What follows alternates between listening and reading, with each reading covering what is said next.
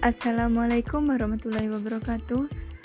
Halo rekan-rekan Kembali lagi dengan saya Sinta Agustina Dari Prodi D3 Gizi tingkat 1B Oke, pada podcast Sinta kali ini Sinta akan mengkritis podcast dari rekan Sinta yaitu Rizka Natalia Dengan materi pembahasannya yaitu tentang pemanfaatan bahan makanan lokal sebagai alternatif penanganan masalah gizi, terutama pada masalah gizi ibu hamil, bayi, dan balita.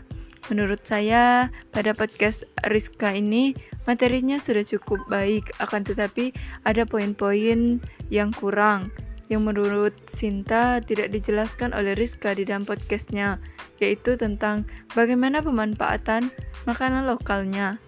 Di dalam podcast Rizka, tidak disebutkan bahan makanan apa saja yang dapat dijadikan sebagai alternatif penanganan gizi untuk ibu hamil dan balita. Untuk kesimpulan yang Sinta dapat dari podcast Rizka Natalia, yaitu di Indonesia terdapat sejumlah masalah gizi, di antaranya gizi kurang dan gizi lebih.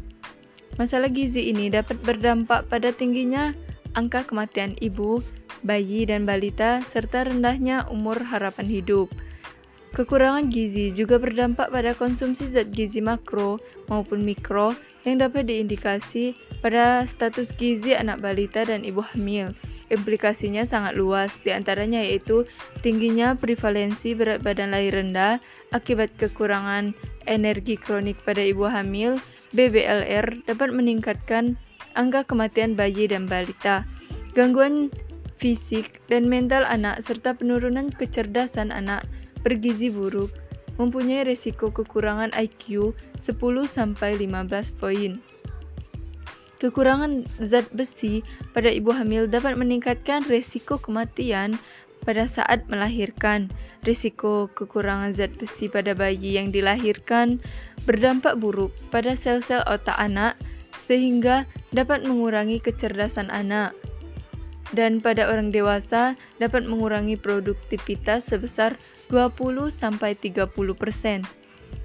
Kurangnya vitamin A pada anak balita dapat menurunkan daya tahan tubuh, meningkatkan risiko kebutaan, dan meningkatkan risiko kematian akibat infeksi. Adapun ketidakmampuan memenuhi kebutuhan pangan dalam rumah tangga terutama pada ibu hamil dan anak balita akan berakibat pada kekurangan gizi yang berdampak pada lahirnya generasi muda yang tidak berkualitas.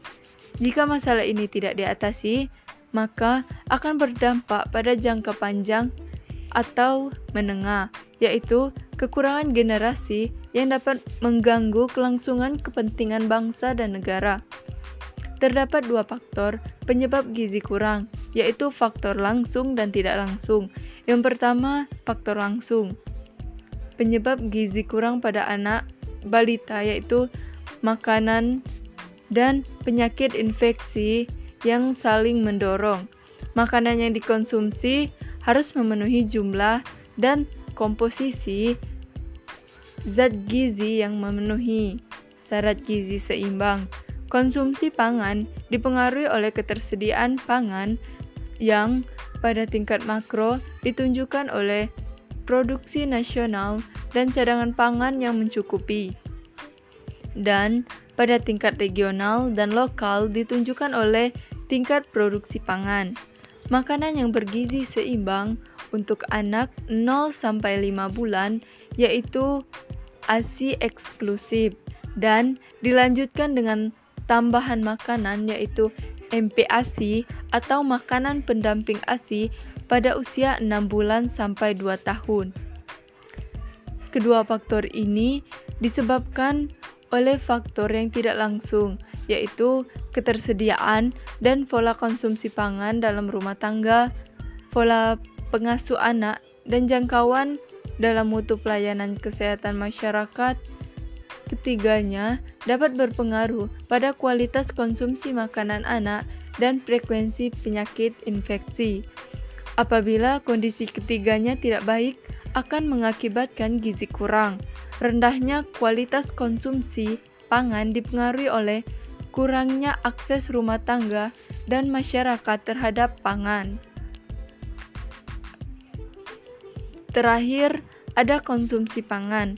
Persyaratan kecukupan untuk mencapai keberlanjutan konsumsi pangan adalah adanya aksesibilitas fisik dan ekonomi terhadap pangan.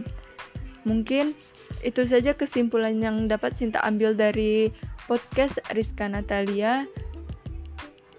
Jika ada kata-kata Sinta yang kurang berkenan di hati rekan-rekan Sinta minta maaf. Sinta akhiri Wassalamualaikum warahmatullahi wabarakatuh.